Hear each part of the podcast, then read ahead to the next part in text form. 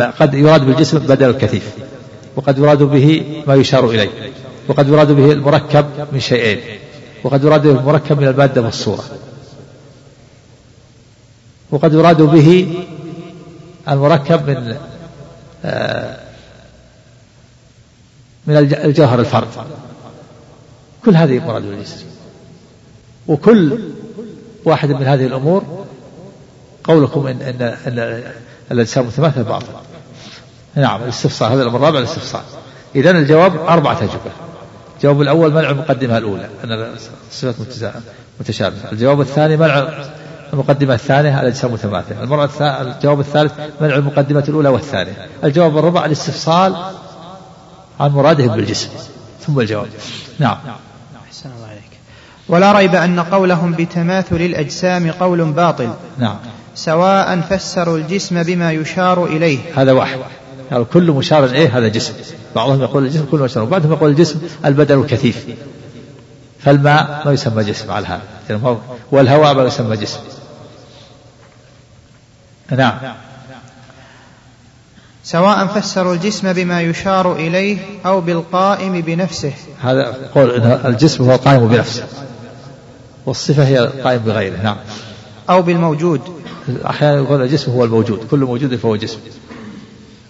أو بالمركب من شيئين كالباب مركب من آه من درفتين. نعم. أو بالمركب من الهيولى والصورة. كذلك. يقول مركب من الهيولى والصورة؟ الهيولى المادة. مادة يعني كلمة منطقية يراد بها الذات. والصورة الشكل مثل الخاتم. الخاتم مركب من هيولى والصورة. الهيولى كونه فضة وذهب الذات والصورة كونه مدور الشكل. هذا مركب من الهيولة والصورة. نعم. ونحو ذلك. فأما إذا فسروه بالمركب كل هذه كلها يعني كل هذه يعني هذه الاستفصالات إيش مرادكم بالجسم؟ مرادكم بالجسم كل موجود ليس بصحيح الموجودات متشابهة.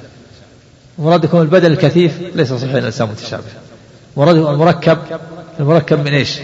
من الشكل من المادة والصورة الخواتم الخواتم ليست متشابهة نستفصل ونبطل نعم فأما إذا فسروه بالمركب من الجواهر الفردة نعم. على أنها متماثلة إيه. فهذا يبنى على صحة ذلك إيه. وعلى إثبات الجوهر الفرد نعم. وعلى أنه متماثل وجمهور العقلاء يخالفونهم في ذلك هذا القول أيضا الجسم مركب من الجواهر الفردة.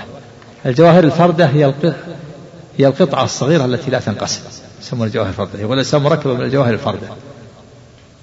ويقولون إنك إن الجوهر الفرد آه، هي قطعة ذات صغيرة. إذا قطعتها مهما تقطعها ما تنتهي. لازم تبقى ذات باقية تتركب منها الأجسام. هذا الجوهر الفرد. هو القطعة التي لا تقبل الانقسام. تقسمها حتى رأس الدبوس. تقسمها ثم يصل إلى يصل إلى ذات ما تقبل الانقسام. هذا الإنسان يقول مركب من الجواهر الفردة نقول نقول يقول المؤلف هذا هذا ينبني على أي شيء؟ ينبني على القول بأن الإنسان مركبة من الجوهر الفردة وهذا فيه نزاع. ثانيا على إثبات الجوهر. جمهور العقلاء يقول ما في جوهر الفرد من أقوال الانقسام. ما في. بل لابد الذات إذا قسمتها تنتهي. تنتهي تذوب تنتهي. ما في شيء ما يقبل إلا عجب الذنب كما في الحديث. كل ابن آدم يبلى إلا عجب الذنب من خلق ابن آدم من مركب و فإذا القول بأن الإنسان مركب من الجواهر الفردة هذا في نزاع. القول بأنه مركب من الجواهر الفردة هذا في نزاع. أثبتوا هذا. ثانيا أثبتوا وجود الفرد. الجوهر الفرد ثالثا أثبتوا أن الجواهر الفردة متماثلة وكل جمهور العقلاء يبطلون هذا. يقول ما في جواهر فردة ما ينفون وجود الجوهر الفرد وأهل البدع بنوا دينهم على الجوهر الفرد الجوهر الفرد بنوا الإيمان بالله والإيمان بالبعث. مبني على الجوهر بالفرد فصار دينهم والعياذ بالله مبني على الجوهر الفرد على الثبوت لأن الجوهر الفرد يقولون إن الرب سبحانه وتعالى لا نعلم حدوث العالم إلا بحدوث الأجسام. لا نعلم حدث العالم لا. يعني ما يقول ما نثبت أن الرب هو هو الخالق للعالم إلا معرفة للأجسام لحدث الأجسام. والأجسام مركبة من الجواهر الفردة. فإذا إيمانهم بالله مبني على الجوهر الفرد. كما أن البعث مبني على ذلك على الجوهر الفرد. وهذا يوجد قلت في مناسبة إن كان يوجد يدرس في في الثانوي في مادة في أظن في في العلوم في الكيمياء أن المادة لا تفنى ولا تستحدث. ها؟ نعم؟ لا لا تفنى ولا تستحدث. هذا معنى هذه نظرية الجوهر الفرد لا تفنى ولا تستحدث. كيف لا تستحدث؟ يعني موجودة موجودة قديمة كقدم الله. كيف ما ما تستحدث؟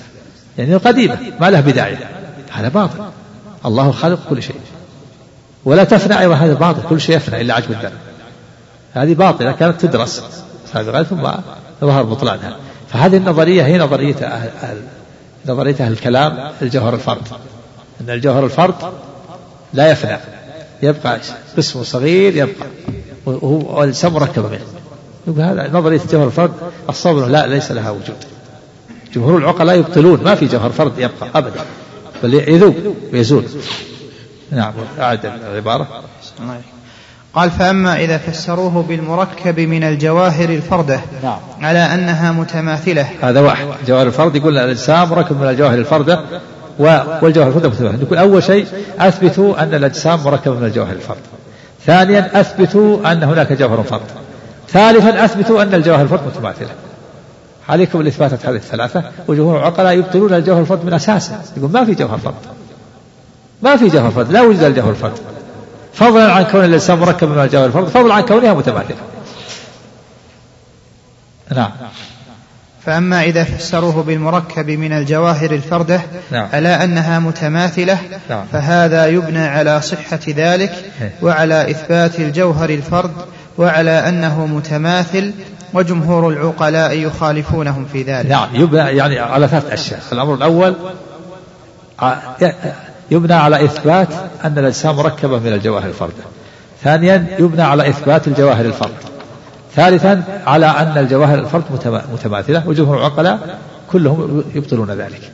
نعم. والمقصود هنا أنهم يطلقون هذه الرسالة رسالة عظيمة رسالة التدمرية رسالة عظيمة. تحتاج إلى إلى عناية. وأرجو إن شاء الله أن يكون في هذا الشرح إن شاء الله فائدة. نعم. فضيلة الشيخ من أتى عرافا فسأله عن أمر ماض فصدقه. نعم. لم تقبل له صلاة أربعين يوما. ومن أتى عرافا فسأله ولم يصدقه لم تقبل له صلاة أربعين يوما. ومن أتى كاهنا فسأله ولم يصدقه لم تقبل له صلاة أربعين يوما. ومن أتى كاهنا فسأله عن أمر في المستقبل فصدقه فقد كفر بما أنزل على محمد صلى الله عليه وسلم. الله هل هذا التقسيم هو تقسيم صحيح؟ جاء في الحديث في الحديث حفصة من من أتعرف وسأله عن شيء لم تقبل له صلاة أربعين يوم. وفي الحديث الآخر من أتى كاهنا فصدقه بما يقول فقد كفر بما أنزل على محمد صلى الله عليه وسلم. وجاء في الحديث الآخر أيضا في مسند الإمام من أتعرف وسأله عن شيء لم تقبل له فقد كفر بما أنزل على محمد.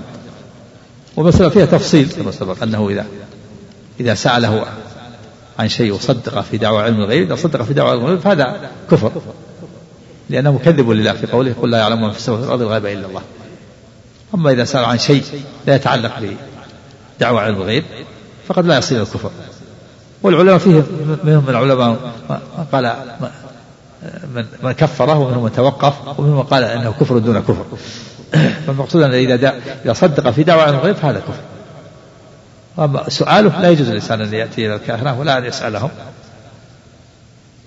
إلا إذا أراد ليعلم حالهم أو ليبلغ عنهم أو ليعاقبهم يتحقق من شأنهم أما إتيانهم وسؤالهم مجرد السؤال فيه رفع لمعنوياتهم فيه تعظيم لهم فلا يجوز أن يأتي إليه. بل يجب أن ينكر عليهم. فالمقصود أن هذا يعني يكون من باب هذا فيه تفصيل. إذا صدق في دعوة عن الغيب فهذا لا يجوز. أما إذا سأل وكذلك وكذلك السؤال السؤال لا يجوز منهي عنه وعليه الوعيد الشديد.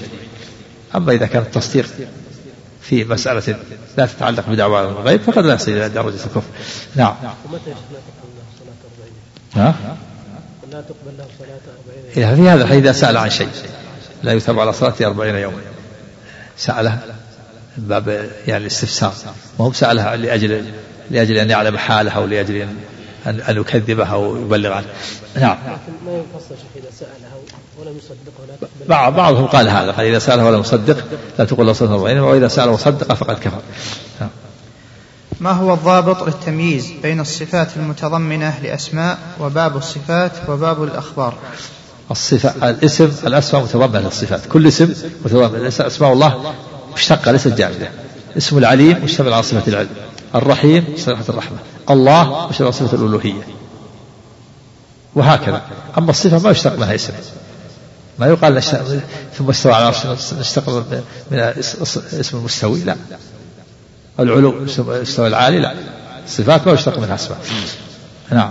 وباب الخبر يعني يخبر عن الله بأنه ذات بأنه شيء. ما هو هذا ما هو بتسمية أما التسمية اسم العليم اسم الرحيم ما جاء إطلاقه على الله يطلق على الله باب الاسم وهو العليم وهو السميع. فالأسماء والصفات توقيفية أما الخبر فبابه أوسع. يخبر عن الله بأنه شيء وبأنه ذات وبأنه موجود. نعم. ما هو الراجح في نسيان التسمية على الصيد؟ في الذبيحة سبق الكلام أنها يصح الصيد فالمذهب أنه لا فرق بين النسيان و... والعبد. وذكر الشارح أنه روي عن الإمام أحمد حنبل أنه عنها أنها تصح وقال أن هذه الرواية خطأ يحتاج إلى تحتاج المسألة إلى مزيد عناية ومراجعة في نسيان التسوية في الصيد خاصة. نعم. ما حكم بيع وشراء الصقور؟ يحتاج إلى تأمل لأن هذا الصقر هذا جارحة يصاد به وهو ليس من الصيد الذي يؤكل. نعم. يحتاج إلى هذه على هؤلاء اللي يتعاملون بالصقور يرسلون ف- يستفتون يرسلون سؤال الإفتاء في المملكة العربية السعودية تأتيهم الفتوى إن شاء الله. نعم. ما حكم الذبيحة التي تضرب على رأسها حتى يموت المخ والقلب؟ لم يمت. ويتنفس ثم ينحر بعد ذلك. إذا كان لم يبقى فيها حياة إلا مثل حياة المذبوح فهي ميتة. هذه الموقوذة مضروبة على رأسها. إذا كانت ضربت بحيث أنه ما تبقى لو تركت لماتت وما تبقى مع الحياة فلا تحل. نعم. هل هناك سنة قولية أو فعلية عند الانتقال لبيت جديد؟ لا أعلم في هذا. الحمد لله. يتعوذ بكلمة الله التامة من شر ما خلق هل ثبت في السنة أن الخوارج يحلقون رؤوسهم وما نص الحديث؟ نعم في الحديث. سيماهم التحليق. سيماهم التحليق. ثابت في الحديث. يعني يشددون في الحلق ويتعبدون. يحلق رأسه المرة حلق كامل بالموس. هذا سيماهم التحليق. جاء في الحديث سيماهم التحليق. يشددون في هذا ويتعبدون. يتعبدون به. نعم. ما حكم طواف المرأة وسعيها بدون محرم مع العلم باختلاط الناس في الحرم؟ لا بأس هذا ما هو بسفر لكن عليه خطأ تطوف تطوف وتسعى لكن عليه تتحين فرصة التي يقل فيها يقل فيها الزحام. هذا ما هو بسفر هذا السفر. إذا كان كان مع تخرج ولا ولا عليها ولا عليها خطر ما عليها خطر الحمد لله. تطوف وترجع نعم ما يحتاج محرم. محرم السفر. نعم. إذا عجز الإنسان عن حل السحر الذي ألم به بالرقية الشرعية فهل يلجأ إلى السحرة لفك هذا السحر؟ علما لا. أن ذلك لن يؤثر على لا عقيدته لا, لا وتوحيده يجوز. كما ذكر العلا الشيخ القيم الإمام القيم والشيخ الإمام محمد بن عبد في كتاب النشرة. النشرة نوعان حل بسحر مثله وهذا لا يجوز. الثاني حل بأدوية ودعوات وعقاقير طبية ورقية شرعية فهذا جائز. نعم صب. بسم الله الرحمن الرحيم. الحمد لله رب العالمين. وصلى الله وسلم وبارك على نبينا محمد وعلى آله وصحبه وأتباعه بإحسان إلى يوم الدين أما بعد. فقال شيخ الإسلام ابن تيمية رحمه الله والمقصود هنا أنهم يطلقون التشبيه على ما يعتقدونه تجسيما بناء على تماثل الأجسام. بسم الله الحمد لله والصلاة والسلام على وعلى آله والمقصود أنهم يطلقون التشبيه على ما يعتقدون تجسيما بناء على تماثل الإنسان يعني نفاة الصفات. يطلقون التشبيه على ما يعتقدون تجسيما فيقول إن إثبات الصفات يلزم الجسمية. لا تصف الصفات إلا ما هو جسم. لأن لا نرى متصف بالصفات إلا ما هو جسم. فاللي تتصف بالسمع والبصر والعلم والقدرة هذه أجسام. والأجسام تتشابه. فلو قلنا ان الله متصف بالصفات لازم أن يكون جسما مشابها للأجسام وهذا والله ليس كمثله شيء. فبناء على ذلك نفوا الصفات عن الله. نعم. فهم يطلقون التشبيه على ما يعتقدونه تجسيما. فهم آه، إثبات الصفات يعتقدون تجسيم فلذلك يسمون تشبيه. نعم. والمقصود هنا أنهم يطلقون التشبيه على ما يعتقدونه تجسيما بناء على تماثل الأجسام. نعم. والمثبتون ينازعونهم في اعتقادهم. نعم. نافي المثبتون ينازعونهم في في الامرين فيقولون إن إثبات الصفات لا يلزم التجسيم والاجسام غير متماثله ينازعونه في في المقدمتين ويقول إثبات الصفات يقتضي التشبيه يقتضي التجسيم. والأجسام متماثله فالنتيجة إثبات الصفات يقتضي التمثيل. فالمثبتون ينازعونهم يقول من قال لكم أن اثبات الصفات يقتضي التشبيه تجسيم فاليوم يوصف بأنه يوم طويل ويوم قصير. هل اليوم جسم الآن. وصف حر شديد وحر برد شديد. هل الحر جسم والبرد جسم؟ فليس كل من اتصل بالصلاة يكون جسم. فقوله الإنسان متماثلة أيضا منازع فيه. من يقول إن إن البعوضة مثل الفيل؟ البعوضة جسم والفيل جسم؟ هل تتماثل هل هي متماثلة أحد يقول هذا. فالأجسام ليست متماثلة والصفات لا تقتضي الجسمية. هناك تصف الصفات وليس بجسم الحر يوصف والبرد واليوم يوم طويل ويوم قصير وليست أجسام. فالمثبتون ينازعونهم في المقدمتين في هذه وفي هذه. نعم. كإطلاق الرافضة النصب على من تولى أبا بكر وعمر رضي الله عنهما بناء على أن من أحبهما فقد أبغض عليا رضي الله عنه ومن أبغضه فهو ناصبي. نعم يعني قول نفاة الصفات أن كل ما في الصفات فهو مجسم والأجسام تتشابه مثل قول الرافضة أن من أما إن من تولى أبي بكر وعمر فهو ناصبي. يطلق النصب على من تولى أبي بكر وعمر. والنصب هو بغض علي. ويقول كل من تولى أبا بكر وعمر فقد أبغض عليا. يقول هذا باطل. من يقول هذا؟ أهل السنة يتولون أبا بكر وعمر ويتولون علي. ما ما يلزم. الرافضة يقولون يطلقون النصب على من تولى أبا بكر وعمر. ويقولون كل من تولى أبا بكر وعمر هو ناصبي. فقد فقد نصب العداوة لعلي. فيقول كل من تولى أبا بكر وعمر فهو ناصبي. مبغض لعلي ولأهل البيت. هذا باطل. أهل السنة يتولون أبا بكر وعمر ويتولون عليا ويتولون أهل البيت. وينزلونهم منازلهم بالعدل والإنصاف لا بالهوى والتعصب. فهذا باطل وهذا باطل. فنفاة الصفات يطلقون على على إثبات الصفات تجسيد بناء على الإسلام تتماثل وهؤلاء الرافضة يطلقون على من تولى أبو بكر وعمر يسمونه ناصبي نصب العداوة لأهل البيت. بناء على أن من تولى أبو بكر وعمر فقد أبغض عليا ومن أبغض عليا فقد نصب العداوة لأهل البيت. هذا باطل. المنازع في المقدمة الأولى ونازع في المقدمة الثانية. يقول ليس من تولى أبو بكر وعمر فقد أبغض عليا لا.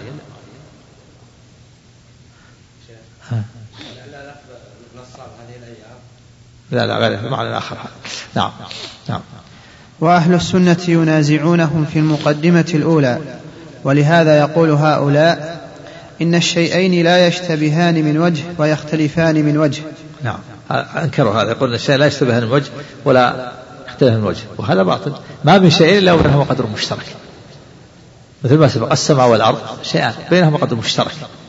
في مسمى الشيء والوجود كل منه شيء وكل منه موجود. كل منه له جسم. غليظ. وبينهما اختلاف السماء مرفوعة والأرض مسطوحة الفيل والبعوضة شيئين بينهما قدر مشترك يشتبهان من وجه ويختلفان من وجه. يشتبهان من وجوه وهو أن كل منهما موجود وكل منهما شيء. وكل منهما مخلوق وكل منهما له روح وكل منهما له حركة. لكن يختلفان الجسم فالفيل جسمه عظيم والبعوضة جسمها صغير. الجسم له فيل له خرطوم والبعوضة ليس لها خرطوم. الفيل يأكل برسيم والبعوضة لا تأكل برسيم إذا بينهما اشتباه وافتراق. ما من شيء إلا وبينهما قدر مشترك. فالقول بأن من أنكر أن الشيئين يشتبهان ويختلف الوجه هذا باطل. هذه العبارة نعم. ولهذا يقول هؤلاء إن الشيئين لا يشتبهان من وجه ويختلفان من وجه. هذا غلط. ما من شيئين إلا وبينهما اشتباه. حتى الخالق والمخلوق. الخالق والمخلوق يشتركان في مسمى الشيء والوجود. فالخالق شيء والمخلوق شيء. والخالق موجود والمخلوق موجود. لكن هذا الاشتراك انما في أمر ذهني. عند القطع عن الإضافة والاختصاص في الذهن. قلت موجود يشبه الخالق والمخلوق. شيء يشبه الخالق والمخلوق. لكن عند الإضافة والاختصاص وجود الله وجود المخلوق يزول الاشتباه. كذلك مسمى العلم والقدرة والسمع والبصر تشترك في الذهن. علم يشمل علم الخالق وعلم المخلوق. قدرة تشمل قدرة الخالق. لكن هذا عند القطع والإضافة والاختصاص. فإذا ضفت قلت علم الخالق أو علم الإله أو علم الرب أو علم المخلوق زال الاشتباه وصار في الخارج. لكن إذا قطعت عن الإضافة والاختصاص صار في الذهن وجاء الاشتراك. فإذا أضفت وخصصت خرج بكونه في الذهن إلى كونه في الخارج وزال الاشتباه. نعم. وأكثر العقلاء على خلاف ذلك. أكثر العقلاء على إيش؟ على خلاف على خلاف. هذا القول وهو أنه لا يشتبهان وجه ويشتبه قول بأنهما لا يشتبهان ولا ولا يفترقان نعم. وقد بسطنا الكلام على هذا في غير هذا الموضع وبينا فيه حجج من يقول بتماثل الأجسام وحجج من نفى ذلك نعم. وبينا فساد قول من يقول بتماثلها. نعم بين هذا في عدد من كتب منهج السنة النبوية مثل درء تعارض العقل النقل بين وأبطل حجج القائلين بتماثل الأجسام. نعم. وأيضا فالاعتماد بهذا الطريق على نفي التشبيه اعتماد باطل وذلك أنه إذا ثبت تماثل يعني الاعتماد بهذا الطريق على نفي إيش؟ تشبيه. تشبيه وهو الاعتماد على أن إثبات الصفات يقتضي التجسيم وأن الأجسام تتماثل. هذا اعتماد باطل. لأن هذا باطل ليس لا ليست الصفات لا تقوم إلا بجسم وليست الأجسام متماثلة. هذا باطل. فالصفات يوصف بغير الأجسام والأجسام غير متماثلة. نعم وأيضا. وأيضا فالاعتماد بهذا الطريق على نفي التشبيه اعتماد باطل وذلك أنه إذا ثبت تماثل الأجسام فهم لا ينفون ذلك إلا بالحجة التي ينفون بها الجسم. نعم. وإذا ثبت أن هذا يستلزم الجسم وثبت امتناع الجسم كان هذا وحده كافيا في نفي ذلك. لا يحتاج نفي ذلك إلى نفي مسمى التشبيه. إيش؟ أعد الله عنك نعم. وإذا ثبت أن هذا يستلزم الجسم نعم. وثبت امتناع الجسم. يعني إثبات الصفات يستلزم الجسم. وثبت امتناع الجسم عن الله. إذا ثبت أن إثبات الصفات يستلزم الجسمية. والأجسام تتماثل فثبت امتناع الجسمية على الله. نعم. كان هذا وحده وحده كافيا في نفي ذلك. نعم في امتناع الجسمية نعم. وامتناع الجسمية وحدة كاف نعم. لا يحتاج نفي ذلك إلى نفي مسمى التشبيه. نعم. يحتاج إنما يقتصر على نفي الجسمية عن الله. نعم. لكن نفي التجسيم يكون مبنيا على نفي هذا التشبيه بأن يقال لو ثبت له كذا وكذا لكان جسما. نعم فلو ثبت أنه آه، أن له قدرة وسمع وبصر لكان جسما. ولو كان جسما لكان مشابها للأجسام. والله ليس كمثله شيء. فينفى التجسيم عن الله. ينفى الانتفاء ملزومه وهو الصفات. نعم. لكن نفي التجسيم يكون مبنيا على نفي هذا التشبيه بأن يقال لو ثبت له كذا وكذا لكان جسما. إيه، لو ثبت له كذا وكذا من الصفات لكان جسما. نعم. ثم يقال والأجسام متماثلة فيجب اشتراكهما فيما يجب ويجوز ويمتنع. نعم. سبق أن أن الخالق لا يشابه المخلوق فيما يجب ويجوز ويمتنع. وأن هذا هو التشابه المطلق من جميع الوجوه ما قال به أحد. فيما يجب لله يجب لله الدوام والبقاء. في ويجوز على الله الخلق والرزق والإماتة والإحياء ويمتنع على الله الموت والنوم والحياة. هذه خصائص الله. لا يشارك المخلوق فيما يجب ويجوز ويمتنع. نعم. وهذا ممتنع عليه لكن حينئذ يكون من سلك هذا المسلك معتمدا في نفي التشبيه على نفي التجسيم فيكون أصل نفيه نفي الجسم. وهذا مسلك آخر سنتكلم عليه إن شاء الله تعالى. وإنما المقصود هنا أن مجرد الاعتماد في نفي ما ينفى على مجرد نفي التشبيه لا يفيد إذ ما من شيئين إلا ويشتبهان من وجه ويفترقان من وجه. نعم يعني الاعتماد في نفي النقائص والعيوب عن الله على مجرد في التشبيه هذا باطل. لأن لأن المبطل إذا اعتمد على هذا لأثبت لله صفات من عند نفسه ونفى التشبيه. يثبت لله النوم والبكاء والحزن وينفي والأكل والشرب ويقول يأكل لا كأكل المخلوقين يأكل ولا يشبه كالمخلوقين ليس الاعتماد على هذا وإنما الاعتماد في نفي النقائص والعيوب على على على نفي نفي العيوب. كالعمى والمرض والصمم والخرس والموت. وكذا وعلى نفي النقائص نقص القدرة نقص العلم وعلى نفي مماثلة المخلوقات. ليس كمثله شيء. فالاعتماد في تنزيه الرب لا على مجرد في التشبيه وإنما الاعتماد يكون على نفي العيوب وعلى نفي النقائص وعلى نفي المماثلة كما أن الاعتماد في في باب الإثبات لا يكون على نفي التشبيه وإنما يكون الاعتماد على إثبات الصفات صفات الكمال ونفي ما يضاد هذه الحال صفات الكمال الواردة في النصوص. لا على مجرد على, على لا على مطلق الإثبات وعلى في التشبيه. نعم. وإنما المقصود نعم. الله عنك. وإنما المقصود هنا أن مجرد الاعتماد في نفي ما ينفى على مجرد نفي التشبيه لا يفيد. نعم. إذ ما من شيئين إلا ويشتبهان من وجه ويفترقان من وجه. نعم. مثل ما سبق البعوضة وهذا. فلا يعتمد على نفي التشبيه. تقول إذا أردت أن تنزه الله عنك تقول لا يشبه المخلوقات. تقول ما من شيء إلا وبينهما قدر مشترك. حتى الخالق والمخلوق. هو يشترك في مسمى الشيء والوجود. فلا يعتمد على نفي التشبيه. في نفي النقائص والعيوب. إنما يعتمد على نفي العيوب ونفي النقائص ونفي المماثلة نعم. بخلاف الاعتماد على نفي النقص والعيب ونحو ذلك. نعم. هذا الاعتماد. هذا إذا الاعتماد في باب التنزيه على نفي النقص والعيب ونفي المماثلة. نعم. لا على مجرد في التشبيه. نعم. بخلاف الاعتماد على نفي النقص والعيب ونحو ذلك نعم. مما هو سبحانه مقدس عنه. نعم. فإن هذه طريقة صحيحة. إذا الطريقة الصحيحة في نفي في ما نفي ما ينفع عن الله الاعتماد على نفي النقائص ونفي العيوب ونفي المعتلة أما الاعتماد على مجرد نفي التشبيه هذه طريقة غير صحيحة. لأنه ما من شيء إلا وبينهما قدر مشترك. نعم. نعم. وكذلك إذا أثبت له وكذلك إذا أثبت له صفات الكمال. نعم. ونفي مماثلة غيره له فيها. فإن هذا نفي المماثلة فيما هو مستحق له. وهذا نعم. وهذا حقيقة التوحيد. هذا الاعتماد في باب الإثبات الأول الاعتماد في باب النفي يعتمد على نفي النقائص والعيوب ونفي المماثلة. أما الاعتماد في باب الإثبات يعتمد على إثبات صفات الكمال. ونفي المماثلة. يعتمد على إثبات صفات الكمال واردة في النصوص مع نفي مماثلة المخلوقات. هذا اعتماد صحيح مسلك صحيح في باب الإثبات.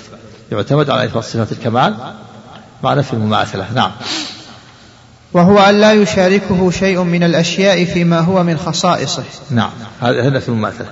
أن لا يشارك الله شيء فيما هو من خصائصه. مثل ما سبق فيما يجب ويجوز ويمتنع. نعم. وكل صفة من صفات الكمال فهو متصف بها على وجه لا يماثله فيها أحد. نعم صفات الكمال هي الصفات الواردة في النصوص في الكتاب والسنة.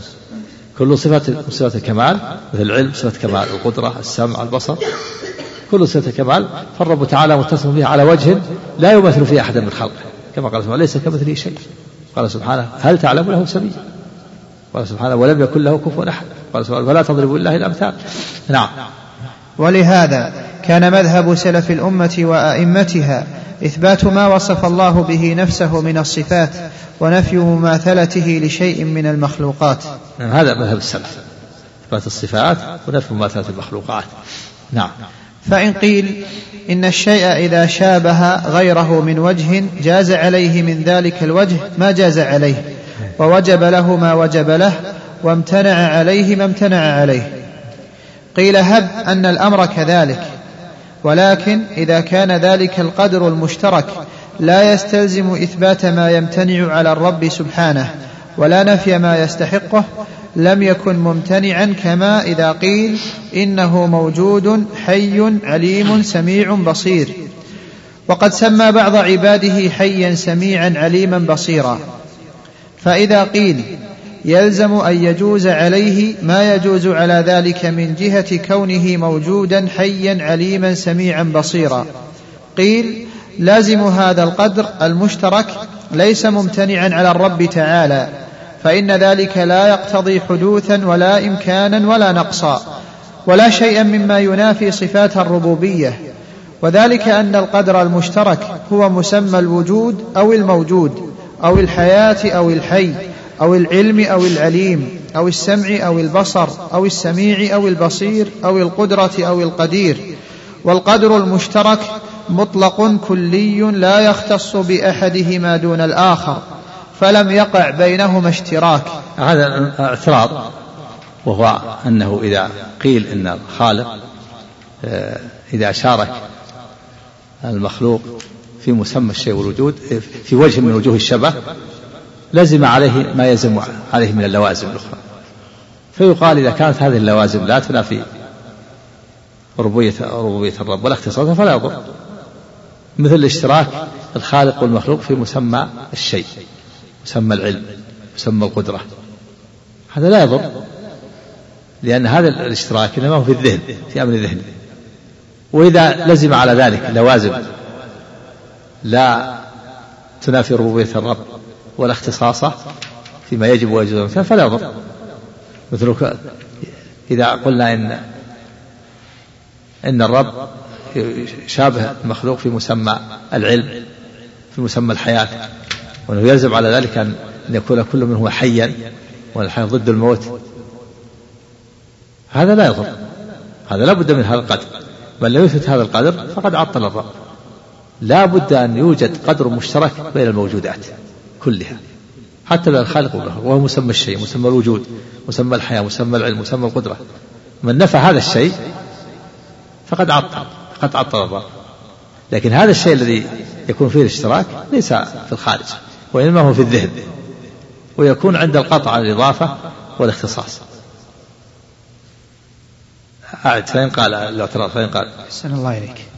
فإن قيل إن الشيء إذا شابه غيره من وجه جاز عليه من ذلك الوجه ما جاز شابه من وجه يعني مسمى الشيء مسمى الوجود.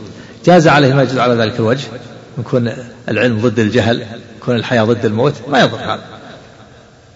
لأنه لا لا يؤثر في خصائص كل منهم. الرب له صفاته التي تخصه والمخلوق له صفاته التي تخصه. كل منهم يشترك في مسمى الشيء مسمى الحياة. وأن الحياة ضد الموت مسمى العلم وأنه ضد الجهل مسمى القدرة وأنه ضد العجز. ما يضر هذا ما يلزم منه الاشتراك في الخصائص. نعم. جاز عليه من ذلك الوجه ما جاز عليه ووجب له ما وجب له وامتنع عليه ما امتنع عليه. نعم. قيل هب أن الأمر كذلك. افرض يعني افرض أن الأمر كذلك. هب نعم. ولكن إذا كان ذلك القدر المشترك لا يستلزم إثبات ما يمتنع على الرب سبحانه. القدر المشترك مثلا مسمى الحياة. لا يلزم من ذلك إثبات ما خصائص الرب وهو الوجود دوام الوجود. ما يقتضي هذا أن المخلوق يشارك الرب في دوام الوجود دوام الحياة.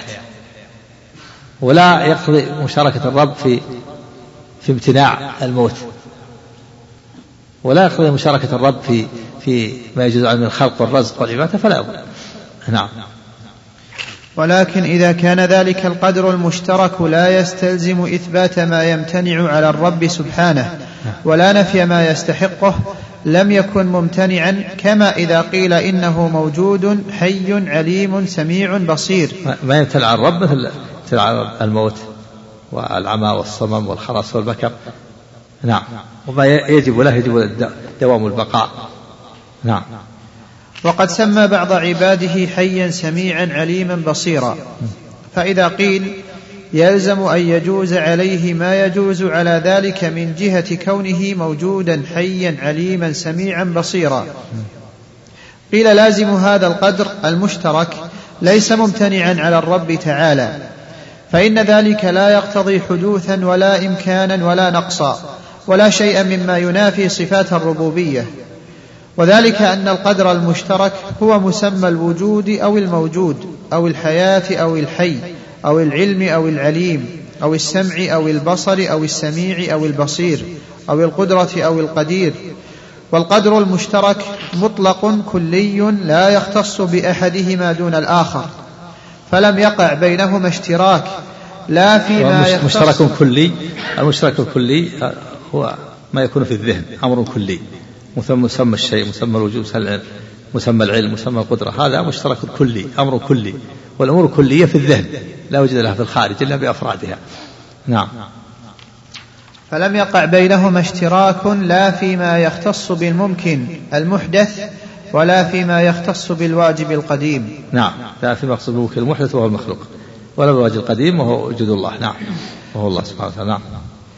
فإن ما يختص به أحدهما يمتنع اشتراكهما فيه فإذا كان القدر المشترك الذي اشتركا فيه صفة كمال كالوجود والحياة والعلم والقدرة ولم يكن في ذلك شيء مما يدل على خصائص المخلوقين كما لا يدل على شيء من خصائص الخالق لم يكن في إثبات هذا محذور أصلا. نعم.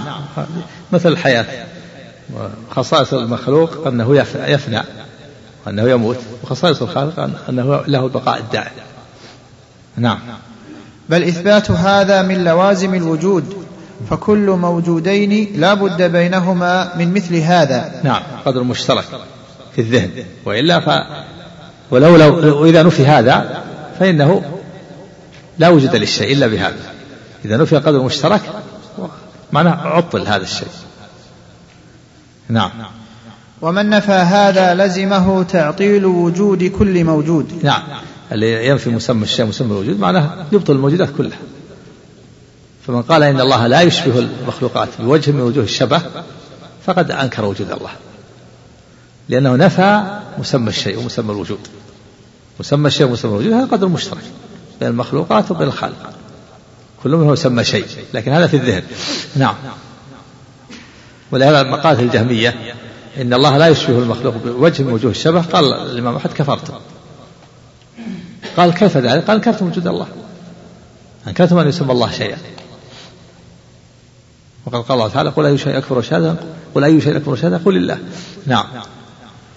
ولهذا لما اطلع الأئمة على أن هذه حقيقة قول الجهمية سموهم معطلة. نعم. لما لما اطلع أهل السنة ومنهم على رأس من أحمد سموهم معطله وكفروهم. نعم. كما كفرهم الإمام احمد في رد على الزنادقة. قال إنكم تقولون إن الله شيء لا لا نقول إن الله شيء من الأشياء. قال إنكم في الظاهر أنكم تنزهون وفي الباطن أنكم ملحدون وأنكم منكرون لوجود الله. نعم. ولهذا لما اطلع الأئمة على أن هذه حقيقة قول الجهمية سموهم معطلة. وكان جهم ينكر أن يسمى الله شيئا. نعم. ولهذا كفر. كان الجهم لا ينكر أن يسمى الله شيئا. فأنكر وجود الله. نعم. ولربما قالت الجهمية هو شيء لا كالأشياء. إيه. وهذا لا يفيدهم ولا يخرجهم من كونهم معطلة نعم. فإذا نفى القدر المشترك مطلق فإذا نفي القدر المشترك مطلقا لزم التعطيل العام. نعم. القدر المشترك المطلق مسمى الشيء مسمى الوجود. إذا نفي لزم التعطيل العام وهو الإنكار إنكار وجود الله. فإذا نفي. الله عنك. فإذا نفي القدر المشترك مطلقا لزم التعطيل العام نعم. والمعاني التي يوصف بها الرب تعالى. رفع على والمعاني. سب. الله إليك. بسم الله الرحمن الرحيم. الحمد لله رب العالمين. صلى الله وسلم وبارك على نبينا محمد وعلى آله وصحبه وأتباعه بإحسان إلى يوم الدين. أما بعد. فقال شيخ الإسلام ابن تيمية رحمه الله. ولهذا لما اطلع الأئمة على أن هذه حقيقة قول الجهمية سموهم معطلة وكان جهم ينكر أن يسمى الله شيئا ولربما قالت الجهمية هو شيء لا كالأشياء. نعم سبق كقرانا نعم. عفى الله عنك. فإذا نفي القدر المشترك مطلقا لزم التعطيل العام. والمعاني التي يوصف بها الرب تعالى كالحياة والعلم والقدرة. المعاني هذا هذا نعم والمعاني نعم. عفى الله عنك. والمعاني والمعاني التي يوصف بها الرب تعالى كالحياة والعلم والقدرة بل, بل والوجود والثبوت والحقيقة ونحو ذلك تجب لوازمها. فإن ثبوت الملزوم يقتضي ثبوت اللازم. وخصائص المخلوق التي يجب تنزيه الرب عنها ليست من لوازم ذلك أصلا بل تلك من لوازم ما يختص بالمخلوق من وجود وحياة وعلم ونحو ذلك. والله سبحانه بسم الله الحمد لله والصلاة والسلام قال المؤلف رحمه الله تعالى المعاني التي يوصف بها الرب سبحانه وتعالى تقتضي ثبوت لازمها. المعاني مثل الصفات العلم والقدرة والسمع والبصر هذه معاني الصفات تقتضي لازمها ولازمها وصف الكمال أن الله تعالى موصوف بالكمال. كما أن صفات المخلوق المع العلم والقدرة والسمع والبصر هذه صفات للمخلوق تقتضي لازمها هو النقص. والوجود والثبوت والحقيقة والذات هذه أيضا ملزومات. لازمها الصفات فالملزوم مثل الذات والحقيقة. فالملزوم ثبوت الملزوم يقتضي ثبوت اللازم. فالذات والحقيقة والشيء هذه ذوات. تقتضي هذه ملزومات والملزوم وثبوت الملزوم يقتضي ثبوت اللازم. هذه ثابت إذا قيل هذا الشيء له ذات له حقيقة له شيء هذا ملزوم. والملزوم يقتضي ثبوت اللازم. واللازم فيها الصفات. فالذات لابد لها من صفات. فلا يمكن تكون ذات بدون صفات. الذات والحقيقة والشيء. هذه ذوات وهي ملزومات والملزوم وهي ثابتة والملزوم ثبوت الملزوم يقتضي ثبوت اللازم كما أن الصفات وهي المعاني العلم والقدرة والسمع والبصر هذه تقتضي إيش؟ تقتضي اللازم. يعني إذا ثبتت هذه الصفات تقتضي اللازم. وهذه الصفات إذا كانت صفة لله فلازمها الكمال. وإن كانت صفة المخلوق فلازمها النقص. فهذه الصفات المعاني ثابتة للخالق ثابتة للمخلوق. والملزوم يقتضي ثبوت اللازم. فالملزوم ثبوت الصفات. يقتضي ثبوت اللازم إن كانت صفة لله فلازمها الكمال. وإن كانت صفة المخلوق فلازمها النقص. نعم. فالملزوم يطلق على الذات.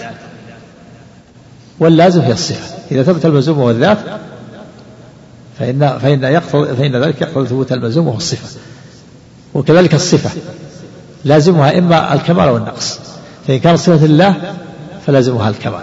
وإن كانت صفة المخلوق فلازمها النقص. وعلى هذا الصفات الثابتة لله تعالى. لازمها الكمال. وتنتفي خصائص المخلوق. كما أن صفات المخلوق لازمها النقص. وتنتفي عن خصائص الخالق. نعم والمعاني. أحسن الله إليك. والمعاني. والمعاني التي يوصف بها الرب تعالى كالحياة والعلم والقدرة. نعم. بل والوجود والثبوت والحقيقة ونحو ذلك. الوجود والثبوت والحقيقة كل هذه ذوات. تقتضي وهي ملزومات تقتضي ثبوت اللازم والصفات. والمعاني الصفات نفسها العلم والقدرة والسمع تقتضي اللازم وهو الكمال أو النقص. فالكمال للخالق والنقص المخلوق. نعم.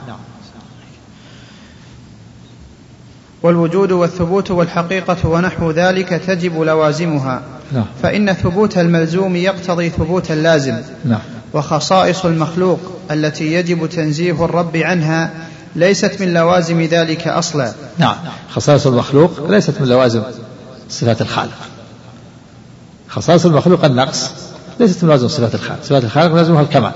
نعم بل تلك من لوازم ما يختص بالمخلوق من وجود وحياة وعلم ونحو ذلك. نعم وجود المخلوق وحياته وعلم- هذه وجوده وجود المخلوق يقتضي ثبوت اللازم وهي الصفة والصفة تقتضي خصائصها وهي النقص بالنسبة للمخلوق.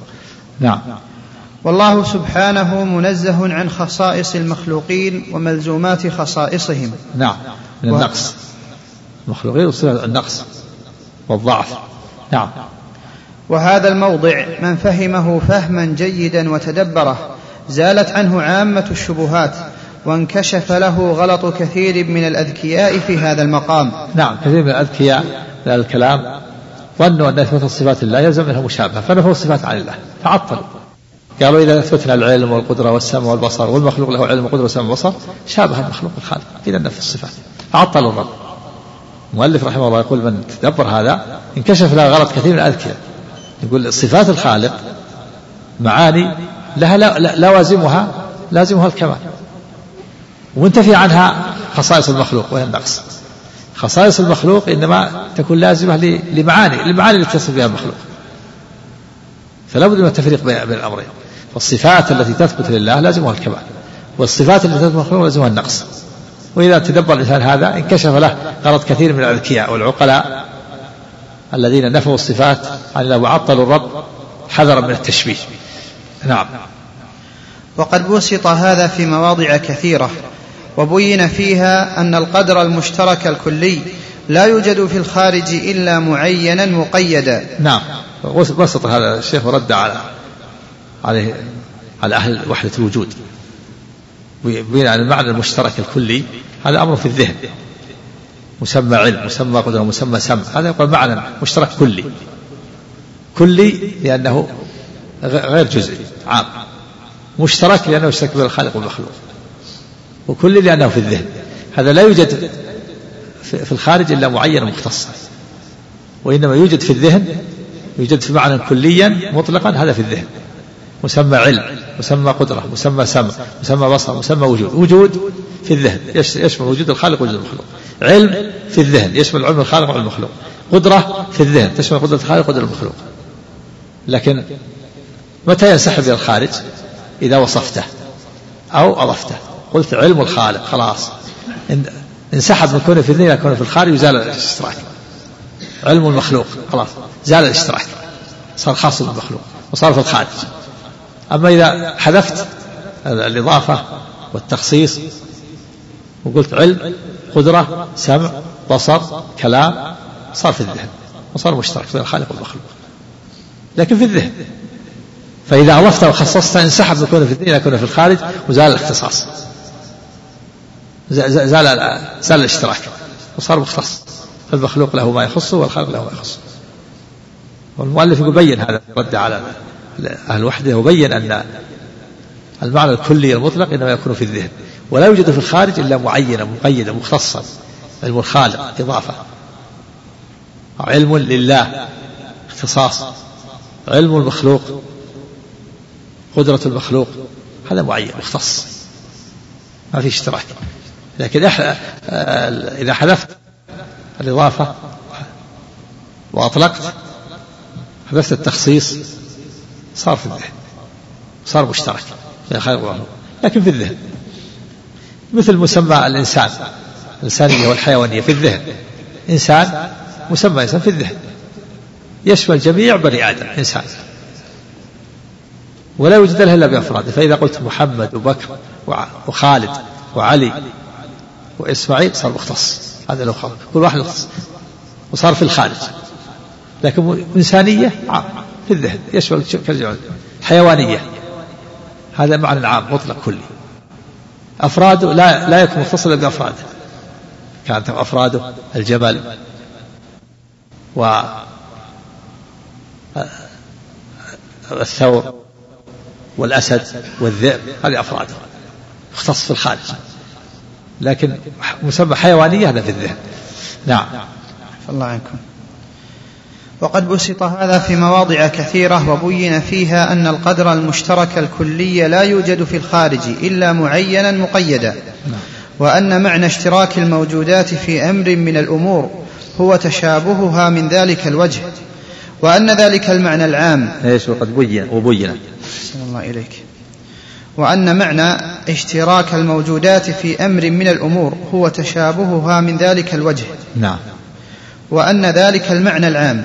يطلق على هذا وهذا لأن الموجودات في الخارج لا يشارك أحدها الآخر في شيء موجود فيه. مثلا مسمى وجود يطلق على هذا على الخالق ويطلق على هذا على المخلوق. يشمل لأنه في الذهن. أما في الخارج فلا بد من التقييد. تقول وجود الخالق إضافة أو وجود المخلوق فيكون في الخارج ويزول الاشتراك. لكن إذا حذفت الإضافة قلت وجود صار في الذهن وصار يطلق على هذا وعلى هذا على الخالق وعلى المخلوق. كله يسمى موجود علم يطلق على علم الخالق وعلى المخلوق في الذهن. قدرة يطلق على قدرة الخالق وقدرة المخلوق في الذهن. أما في الخارج ما في. إلا يكون معين مختص. لكن متى يكون في الخارج؟ إذا أضفت وخصصت نعم. أحسن الله إليك.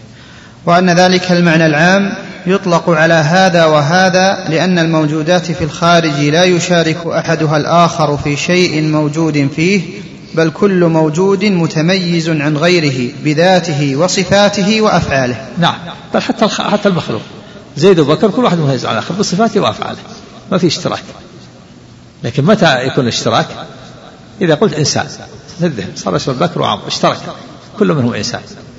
لكن إذا إذا خصصت وعينت قلت بكر محمد. زال الاختصاص. زال الاشتراك صار كل واحد له صفة تخص فالخالق ما بأولى. وجود الخالق له صفات تخصه والمخلوق له صفات تخصه نعم. ولما كان الأمر كذلك كان كثير من الناس متناقضا في هذا المقام. فتارة يظن أن إثبات القدر المشترك يوجب التشبيه الباطل. فيجعل ذلك له حجة فيما يظن نفيه من الصفات حذرا من ملزومات التشبيه. وتارة يتفطن إلى أنه لا بد من إثبات هذا على كل تقدير فيجيب به فيما يثبته من الصفات لمن احتج به من النفاة. هذا كالاشعري كالأشاعرة فانهم متناقضون فالأشعري مثلا يثبت سبع صفات الحياة والكلام والبصر والعلم والقدرة. فيتناقض أحيانا يقول هذه الصفات لا توجب التشبيه. فيثبت سبع صفات ويقول الاشتراك بين بين الخالق والمخلوق هذا في أمر ذهني. مجرد العلم والقدرة والسلم لا لا لا بد منه في إثبات الموجودات. وأحيانا يظن أن إثبات القدر المشترك يوجب يوجب الاشتباه فينفي بقية الصفات السبع. ويقول ما عداها منفية ينفيها عن الله. لماذا؟ لأن الاشتراك في في مسماها يوجب التشابه. مع الاشتراك في الذهن ما يوجب التشابه. فأحيانا يظن أن اشتراك في في الأمر العام في المعنى العام يوجب التشابه فلذلك ينفي بقية السبب وأحيانا يتفطن ويقول أن هذا الأمر مشترك في الذهن لا بد منه. لا بد منه في وجود الموجودات. فيثبت الصفات السبع. ويقول هذا لا بد منه ولا يمنع من إثبات الصفات. فتجد تناقض كالأشاعرة. والأمر الذهني هذا لا بد منه. من لم يثبت الأمر الذهني لم يثبت الموجودات. يعني من نفى اشتراك المسميات في الأمر الذهني العام معناه نفى وجودها. فالذي يقول إن الله لا يشبه المخلوقات بوجه من وجوه الشبه أنكر وجود الله. لأن أنكر الاتفاق في الاسم العام. وهو, وهو ما يكون في الذهن. فالأشاعرة كذلك. أحيانا ينفون الأمر العام فيقول هذا يلزم منه التشبيه فينفون بقية الصفات بقية الصفات السبع بعد الصفات السبع. وأحيانا يتفطن ويقول هذا الأمر لا بد منه ولا يلزم منه التشبيه فلذلك لا في الصفات السبع فيرد به على المعتزلي الذي يقول ليش في الصفات السبع؟ هذا يلزم منه التشبيه. الخالق عال إذا أثبت العلم للخالق وأثبت المخلوق يلزم التشبيه. فيقول لا هذا أمر ذهني الاشتراك إنما في أمر ذهني لا بد منه. فيرد به على المعتزلة وأحيانا يقول إن هذا إنه يلزم منه التشبيه فينفي بقية الصفات فيتناقض الأشاعرة أحيانا يتفطن أن هذا الأمر لا بد منه وأن من لم يثبت لم يثبت لم يثبت شيئا فيرد به على المعتزلي حينما يناقشه ليس اثبت الصفات السبع. لأن المعتزلي ما يثبت شيء من الصفات. يناقش الأشياء يقول ليس اثبت الصفات السبع. هذا يلزم من التشبيه قال لا هذا ما يلزم التشبيه الاشتراك إنما في, في الأمر العام وهذا لا بد منه. وأحيانا يتناقض ويقول ان إن اشتراك المسميات في الاسم العام يلزم من التشبيه فينفي بقية الصفات السبع فيتناقض. نعم. أحسن الله عليكم ولكثرة الاشتباه في هذا المقام وقعت الشبهة في وجود الرب. هل هو عين ماهيته أو زائد على ماهيته؟ وهل لفظ الوجود مقول بالاشتراك اللفظي أو التواطؤ أو التشكيك؟ كما وقع الاشتباه في إثبات الأحوال ونفيها وفي أن المعدوم هل هو شيء أم لا؟ وفي وجود الموجودات هل هو زائد على ماهيتها أم لا؟ وقد كثر من أئمة النظار الاضطراب والتناقض في هذه المقامات فتارة يقول, يقول أحدهم القولين المتناقضين ويحكي عن الناس مقالات ما قالوها. مقالات ما قالوها. الله عنك ويحكي عن الناس مقالات ما قالوها وتارة يبقى في الشك والتحير. وقد بسطنا الكلام في هذه المقامات وما وقع من الاشتباه والغلط والحيرة فيها لأئمة الكلام والفلسفة بما لا تتسع له هذه الجمل المختصرة. يعني بسط في عدد من كتبه لكن بين خلاصتها الآن. وهي أن الوجود هل هو زائد على الماهية أو غير زائد على الماهية؟ فإن نريد الماهية الموجودة في الخارج نريد بالوجود الوجود في الخارج فالماهية هي هي الوجود في الخارج. ونريد الماهية التي في الذهن فالماهية غير وجود اللي في الخارج. فالوجود والماهية وجود الشيء هو ماهيته في الخارج. ووجود الشيء في الذهن هو ماهيته في الذهن. وكذلك الوجود هل هو مقول بالاشتراك وهو مقول بإيش؟ بالتواطؤ أو بالتشكيك.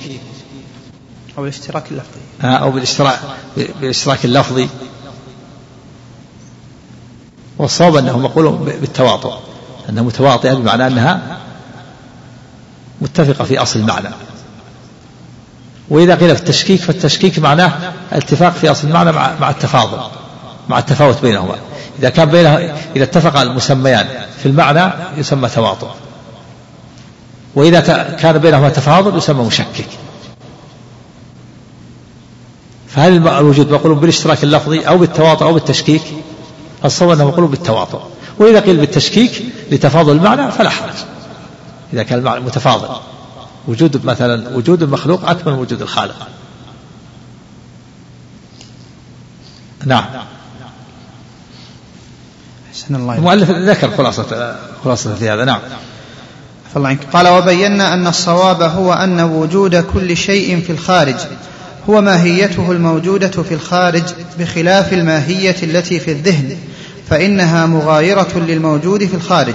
نعم. الوجود والماهية. إن أريد هل الوجود هو الماهية أو غير الماهية؟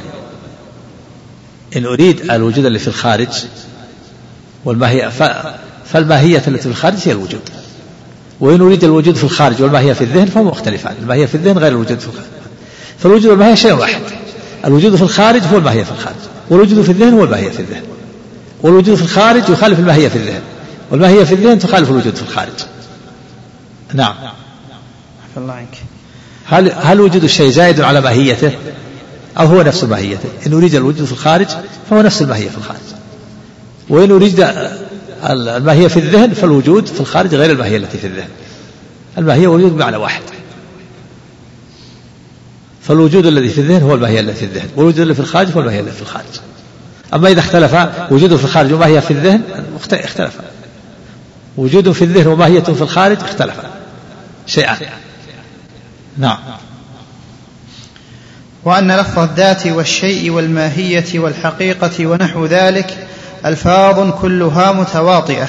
نعم الذات والماهية والحقيقة والشيء. كلها ألفاظ متواطئة يعني متفقة في أصل المعنى. التواطؤ الاتفاق في أصل المعنى. وإذا كان بينها تفاوت في المعنى يسمى مشكك. نعم. فإذا قيل إنها مشككة لتفاضل معانيها فالمشكك نوع من المتواطئ العام الذي يراعى فيه دلالة اللفظ على القدر المشترك. نعم. سواء كان المعنى متفاضلا في موارده أم متماثلا. إيه، فالمشكك هو نوع والله عنك. فإذا قيل إنها مشككة لتفاضل معانيها فالمشكك نوع من المتواطئ العام نعم. الذي يراعى فيه دلالة اللفظ على القدر المشترك سواء كان المعنى متفاضلا في موارده أم متماثلا. نعم. ف... ف... فالتواطؤ هو الاتفاق في أصل المعنى. وإذا كان بين تفاوت يسمى مشكك. نعم. وبينا أن المعدوم شيء أيضا في العلم والذهن لا في الخارج. نعم. هل المعدوم شيء أو ليس بشيء؟ الجواب هو شيء في الذهن وليس في الخارج. إن يريد في الذهن فهو شيء وإن يريد في الخارج فليس بشيء. فإذا قلت هل المعدوم شيء أو ليس بشيء؟ تقول فيه تفصيل. إن أردت أنه شيء في الخارج فليس بشيء. وإن أردت أنه شيء في الذهن فهو شيء. نعم. فلا فرق بين الثبوت والوجود. لكن الفرق ثابت بين الوجود العلمي والعيني. فلا فرق. فلا فرق بين الثبوت والوجود لكن الفرق ثابت بين الوجود العلمي والعيني. نعم. هذا الوجود العلمي يعني ما يعلمه الإنسان ويتصور في ذهنه والوجود العيني ما يشاهده. فأنواع الوجودات أربعة وجود عيني ووجود علمي ووجود لفظي ووجود رسمي هذه أنواع الوجودات أربعة وجود عيني وهو ما تعاين وتشاهد مثل السماء. له وجود عيني الآن تشاهد أمامك تعاينها ووجود العلمي في الذهن تتصور تصور السماء وأن فوق الأرض. ووجود اللفظي حينما تقول السماء هذا وجد في اللفظ. ووجود الرسمي حينما تكتبها تكتب السماء. هذا أنواع الوجود الأربعة وجود علمي ووجود عيني ووجود لفظي ووجود رسمي وجود في الأعيان. ووجود وجود في الأذهان. ووجود في البنان ووجود في اللسان. وجود في الأعيان من السماء موجودة. تعاينها ووجود في الأذهان ذهنك في ذهنك تتصورها تتصورها. ووجود في في اللسان حينما تتكلم السماء فوق الأرض. ووجود في البنان حينما تكتب السماء فوق الأرض. نعم. فالوجود العلمي غير وجود العين يقول المؤلف. الوجود العلمي ما يكون في ذهنك ما تتصوره في ذهنك. ووجود العين ما تعاينه وتحس به. وتشاهده في الأعيان. نعم. فالوجود العلمي غير وجود العيني نعم. الله عنكم. قال فلا فرق بين الثبوت والوجود لكن الفرق ثابت بين الوجود العلمي والعيني. نعم. مع أن ما في العلم ليس هو الحقيقة الموجودة. نعم. اللي في العلم تصور ليس هو الحقيقة الموجودة في الخارج. يعني ما تصور أنت الآن ليس هو الموجود في الخارج. فأنت تتصور الشيء وتعلم في ذهنك لكن إذا جئت في الخارج ولمسته تصور في ذهنك أن أن الوادي وادي بني حنيفة جرى. تصور في ذهنك. لكن إذا جئت على قدميك ونزلت في الوادي وشربت منه غير. يختلف. غير ما تتصور. باشرت هذا الشيء. نعم. مع أن ما في العلم ليس هو الحقيقة الموجودة نعم. ولكن هو العلم التابع للعلم القائم به. نعم. والعلم الت... العلم ليس هو الحقيقة الموجودة. ما يصور في الذهن ليس هو الحقيقة الموجودة في الخارج. لكن هو العلم التابع ليش؟ للعلم القائم به. للعلم القائم به. ها؟ أو تابع للعالم عندك. مش عندك؟ للعلم. مش عندك في الحاشية؟ ها؟ نسخة المحققة إيش عندك؟ ها؟ نعم. العلم التابع للعالم القائم به. يعني العالم أولى. أحسن الله إليك. وهو إيش عاد العبارة؟ الله عنك قال فلا فرق بين الثبوت والوجود لكن الفرق ثابت بين الوجود العلمي والعيني مع أن ما في العلم ليس هو الحقيقة الموجودة ولكن هو العلم التابع للعالم القائم به. للعالم الشخص العالم. تابع للعالم القائم به. العلم تابع للعالم تابع للذات. أنت الآن عندك تصور في ذهنك. تصورك في ذهنك هذا العلم قائم بك أنت أنت أيها العالم. الذي قام بك العلم. ومن هنا اختيار المحشي لو اختار الماء في الحاشية كان أولى. تابع للعالم القائم به. الشخص الذي اتصل بالعلماء اي نعم في الأصل هذا هو يقول لكن ما اختار ما يقيده اللي في المتن غير هذا. نعم. تابع للعالم القائم به. نعم. تابع العلم تابع للعالم القائم به العلم. نعم. الله عليك. وكذلك الأحوال التي تتماثل فيها الموجودات وتختلف. لها وجود في الأذهان وليس في الأعيان إلا الأعيان الموجودة وصفاتها القائمة بها المعينة. الأحوال هي, هي كون الصفات قائمة بالموصوف نسبة الصفة إلى الموصوف يقال لها سمى الأحوال. نسبة العلم إليك نسبة القدرة إلى محمد. هذه يسمى الأحوال. كون الصفة قائمة بالموصوف نسبة الصفة إلى الموصوف. أنا أنسب العلم إليك أقول فلان عالم هذه النسبة الآن.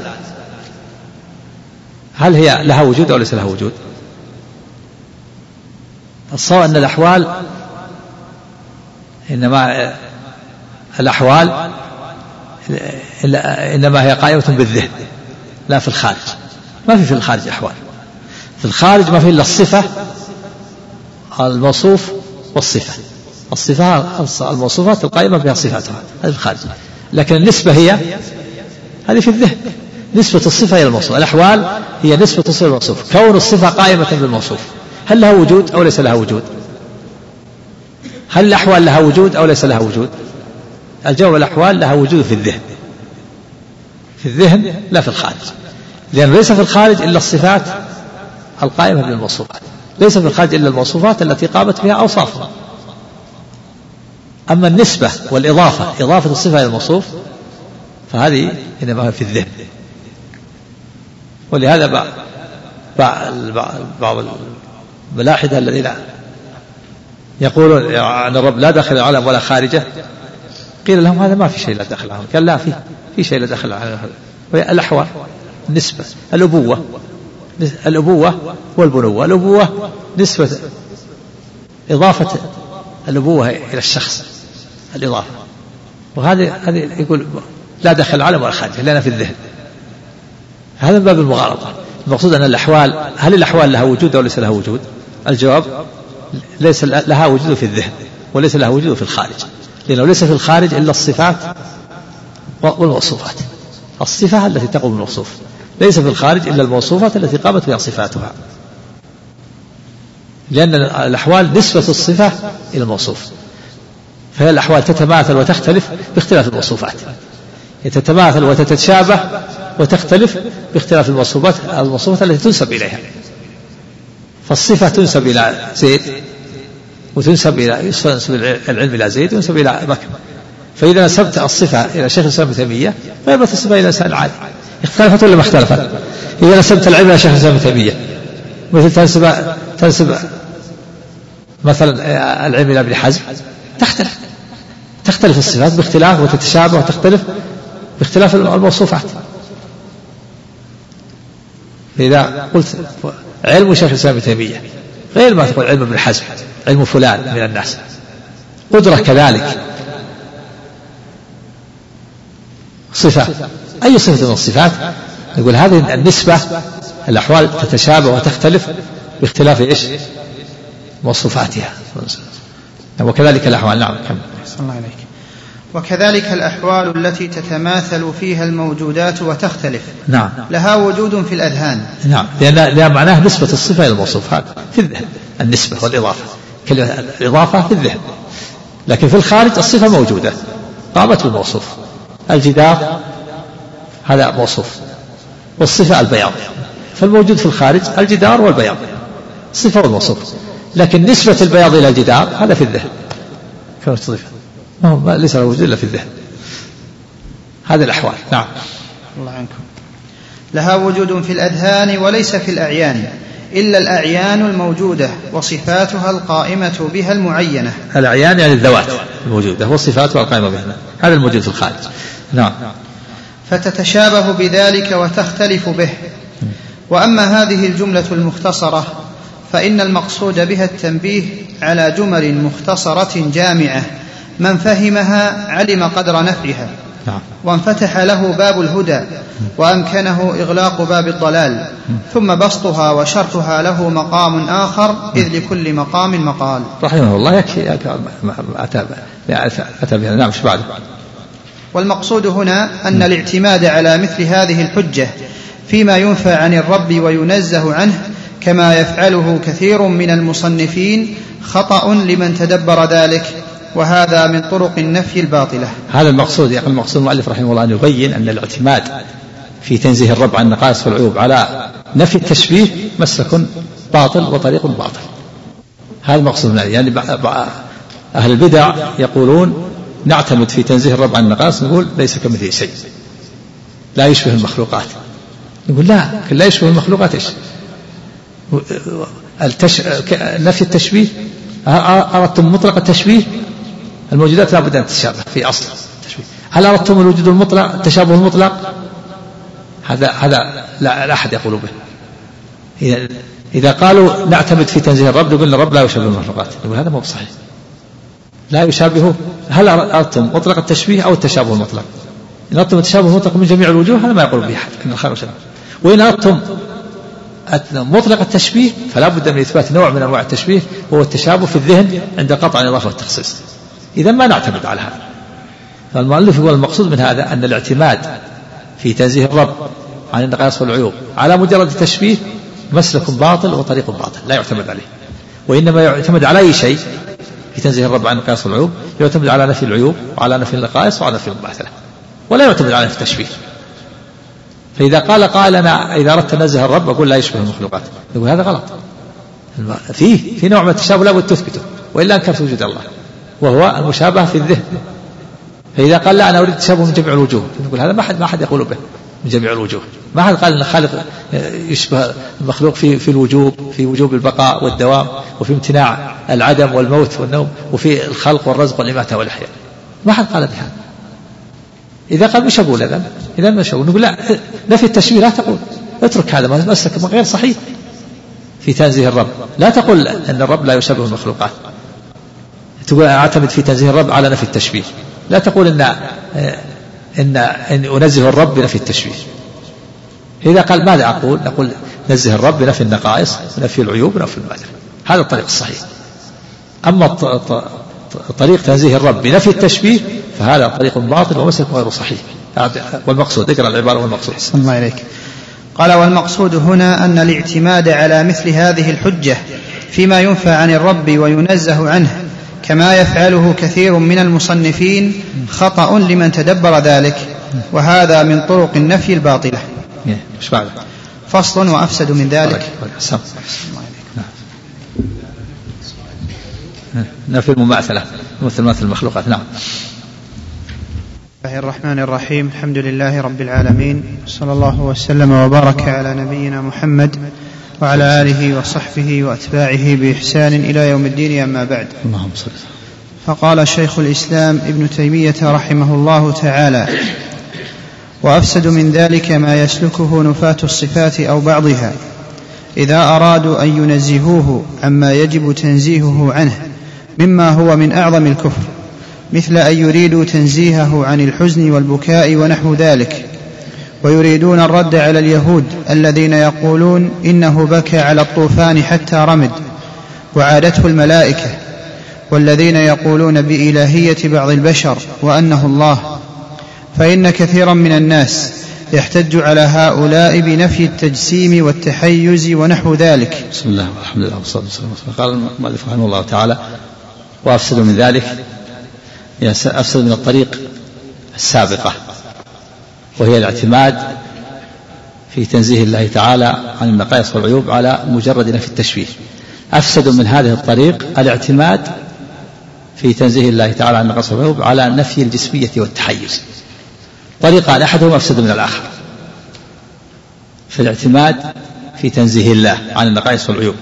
الطريق الأول طريق لبعض أهل البدع. إذا أرادوا أن ينزهوا الله عن النقائص والعيوب اعتمدوا على مجرد التشبيه.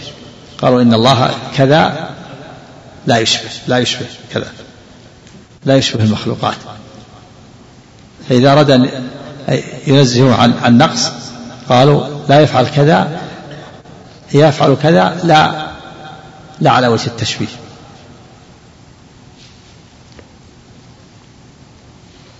والاعتماد على مجرد التشبيه كما سبق اعتماد باطل لأن التشبيه كما سبق نوعان. تشبيه مطلق وتشبيه كامل من جميع النواحي. إذا قال الخالق لا يشبه المخلوق من جميع الوجوه هذا لا فيما يجب وفيما يجوز وفيما يمتنع هذا ما قال به أحد لا من القول. والثاني مطلق التشبيه. وهو القول بأن الخالق لا يشبه المخلوق بوجه من وجوه الشبه وهذا يؤدي إلى التعطيل التعطيل الكامل. لأن لأن لا بد من إثبات نوع من الشبه وهو المعنى الكلي العام. فإن مطلق علم وقدرة وسمع وبصر ووجود فيه مشابه بين الخلق والمخلوق. مسمى وجود يدخل فيه الخلق والمخلوق. مسمى علم مسمى قدرة. لكن هذا في الذهن. فمن قال إن الخالق لا يشبه المخلوق بوجه من الشبه فقد عطل تعطيلا كاملا. ولهذا لما شبه لما قال الجهمية إن الله لا يشبه المخلوق بوجه وجه الشبه كفرهم الإمام أحمد قال أنتم أنكرتم وجود الله. فإذا إذا أراد الإنسان أن ينزه الله عن نقائص العيوب ما يعتمد على مجرد في التشبيه. ما يقول إن إن الله تعالى كذا يتصف بكذا لئلا يشبه المخلوقات. إن الله يتكلم لئلا يشبه المخلوق. إن الله كذا لئلا يشبه المخلوق. وإنما يعتمد في مجرد في التشبيه على يعتمد في تنزيه الله على نفي النقائص وعلى نفي العيوب وعلى نفي المماثلة كما سبق. أما الاعتماد في تنزيه الله عن نقص على مجرد نفي التشبيه هذا طريق فاسد. وأفسد منه الاعتماد على نفي الجسمية والتحيز تقرأ السطرين الثلاثة قبل الفصل. أحسن الله والمقصود, والمقصود هنا أن الاعتماد على مثل هذه الحجة فيما ينفى عن الرب وينزه عنه كما يفعله كثير من المصنفين خطأ لمن تدبر ذلك. والحجة نفي التشبيه نفي التشبيه. نعم. وهذا من طرق النفي الباطلة. من طرق النفي الباطلة الاعتماد في تنزيه الله عن قصر العيوب على نفي التشبيه على مجرد نفي التشبيه. نعم. وأفسد من ذلك ما يسلكه نفاة أفسد من الاعتماد على نفي التشبيه الاعتماد على نفي الجسمية والتحيز. طريقان أحدهما أفسد من الآخر. نعم. وأفسد من ذلك ما يسلكه نفاة الصفات أو بعضها. إذا أرادوا أن ينزهوه عما يجب تنزيهه عنه مما هو من أعظم الكفر مثل أن يريدوا تنزيهه عن الحزن والبكاء ونحو ذلك.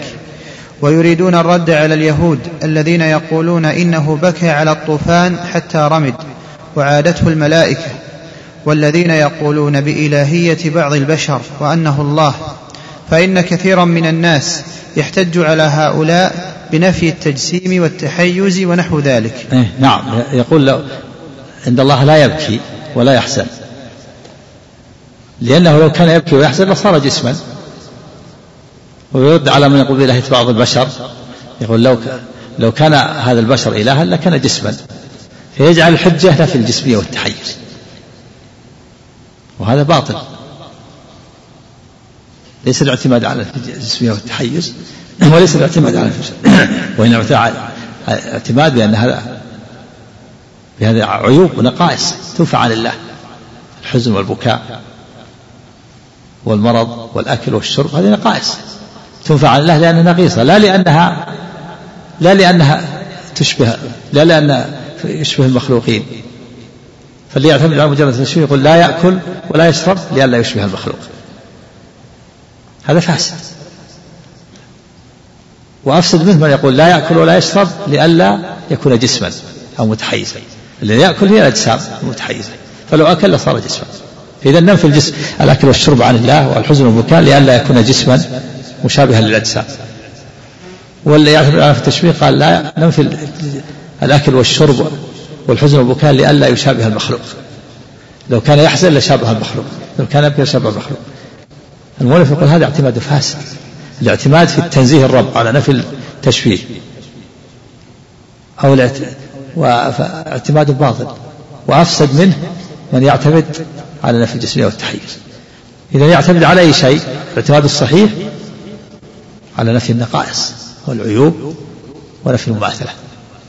فننزه الله بنفي النقائص هذه نقائص ينزه عن الرب عيوب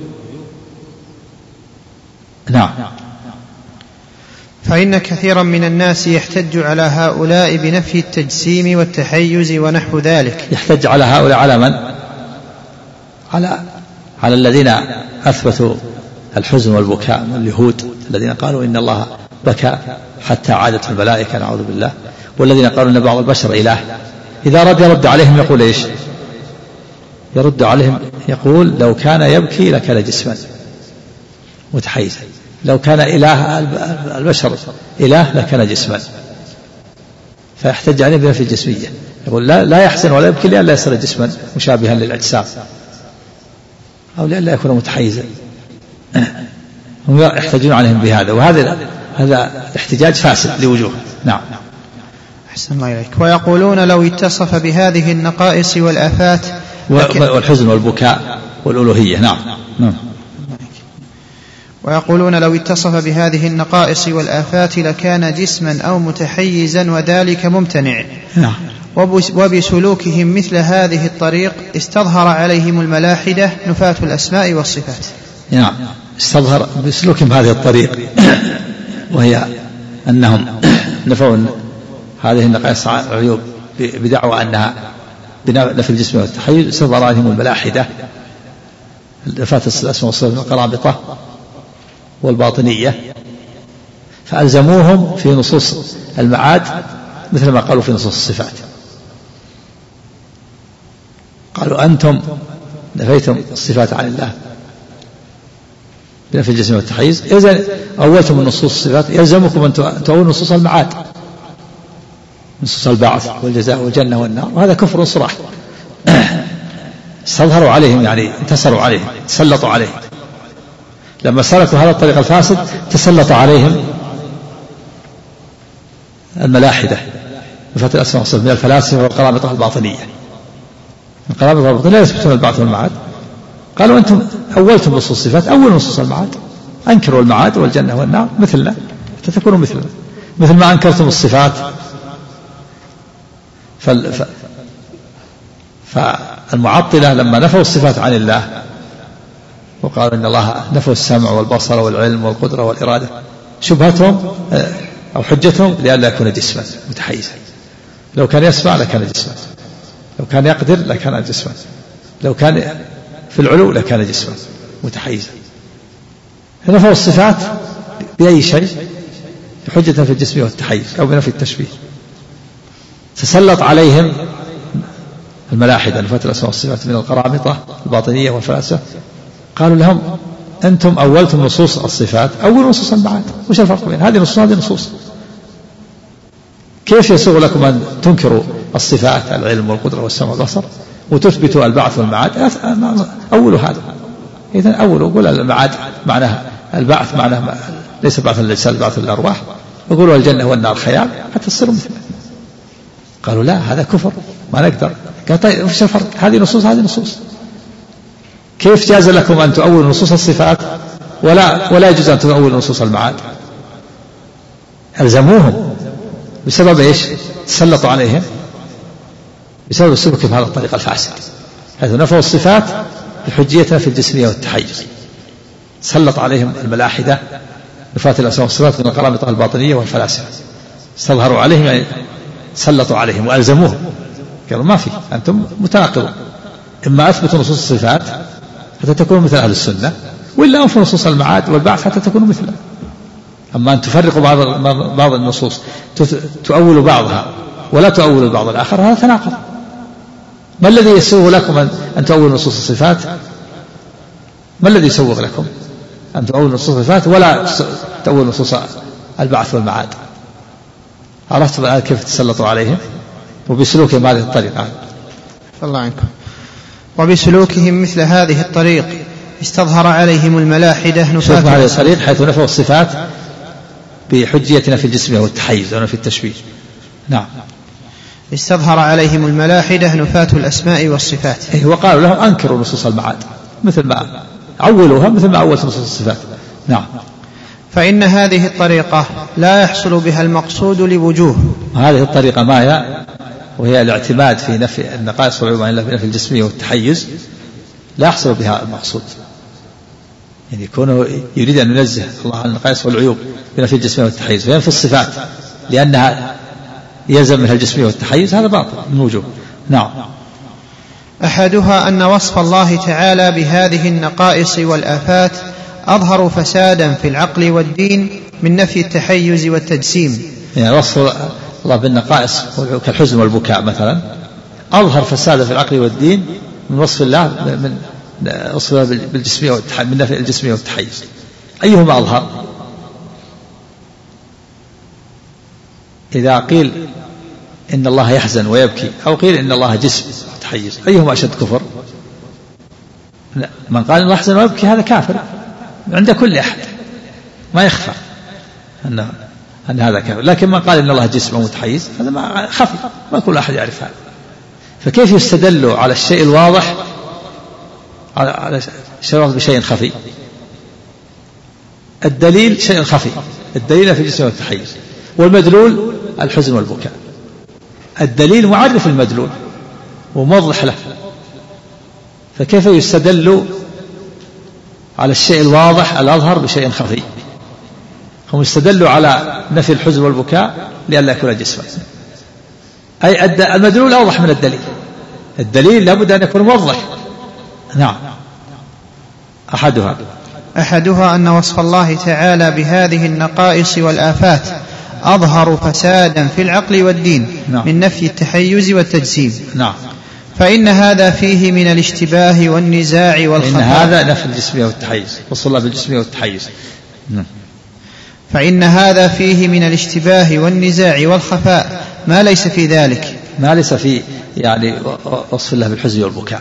لأن هذا واضح لكل أحد نعم وكفر صاحب ذلك معلوم بالض- بالضرورة من دين الإسلام. يعني كفر من وصف الله بالحزن والبكاء معلوم عند كل أحد ما يخفى عليه.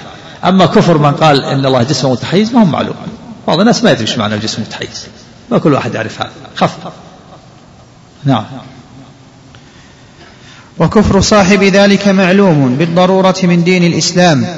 والدليل. يعني بالضرورة يعني يعلمه يدرك الإنسان ضرورة لا يحتاج إلى تأمل. الضروري ال- ال- الذي يضطر الإنسان إلى إيه، إلى إثباته ولا يستطيع إنكاره. هذا ضروري. العلم علمان ضروري ونظري فالضروري هو الذي يضطر الإنسان إلى إثباته ولا يستطيع إنكاره. مثل العلم بأن بأن الش- بأن الشمس طالعة. هذا ضروري ما حد يستطيع إنكاره. أما النظري هو اللي يحتاج إلى تأمل واستدلال لخفائه نعم فهذا كفر من وصف الله بالحزن والبكاء هذا ضروري علم ضروري لكل أحد. أما كفر ما قال إن الله جسم متحيز ما هو ضروري يحتاج إلى نظر وتأمل. ما, ما كل أحد يعرف هذا. فأيهم كيف يكون أحدهما الخفي يكون دليل على على على, على الواضح؟ نعم. وكفر صاحب ذلك معلوم بالضرورة من دين الإسلام والدليل معرفة للمدلول. معرف. والدليل معرف للمدلول. الله عنك والدليل معرف للمدلول ومبين له. فلا يجوز أن يستدل على الأظهر الأبين بالأخفاء. عندنا الدليل عندنا المدلول. وين الدليل؟ مدلول المدلول وصف الله بالحزن والبكاء. والدليل نفي الجسمية والتحيز. كيف أيهما أوضح؟ الدليل ولا المدلول؟ المدلول أوضح. فكيف يستدل بالأوضح الأبين على يستدل بإيش؟ بالشيء الواضح بالخفي على الشيء الواضح. فكيف يستدل؟ الله عنك قال والدليل معرف للمدلول ومبين له فلا يجوز أن يستدل على الأظهر الأبين على الآخر بالأخفاء الأبين وهو وصف الله بالحزن والبكاء بالأخفاء ونفي الجسمية والتحيز. نعم. كما لا يفعل مثل ذلك في الحدود. في التعريف الحدود تعريف الحديث إذا أردت تعرف شيء تقول البيع هو الأخذ والإعطاء لابد يكون التعريف يوضح. أما تجيب التعريف الخفي ما في فائدة. إذا قال لك عرف البيع تقول هو أن تعطي سلعة وتأخذ سلعة مثلا. وضح ولا ما وضح؟ لكن إذا عرفت بشيء ما, ما تفهمه صار أفاد ولا ما أفاد؟ وش المقصود من التعريف؟ توضيح. فإذا كان التعريف ما ما يوضح ما حصل المقصود فكذلك هنا إذا أردت تستدل بشيء لابد أن يكون الدليل موضح. أما تستدل بشيء لا يوضح ما حصل المقصود تستدل بشيء خفي؟ نعم. الوجه الثاني أن هؤلاء الذين يصفونه بهذه الصفات يمكنهم أن يقولوا نحن لا نقول بالتجسيم والتحيز كما يقوله من يثبت الصفات وينفي التجسيم فيصير نزاعهم مثل نزاع مثبتة الكلام وصفات الكمال فيصير كلام من وصف الله بصفات الكمال ومن وصفه بصفات النقص واحدا ويبقى رد النفاة على الطائفتين بطريق واحد وهذا في غاية الفساد. يعني يقول الثاني الذين يصفون الله بالحزن والبكاء يمكن أن يقولوا نحن نقول يحزن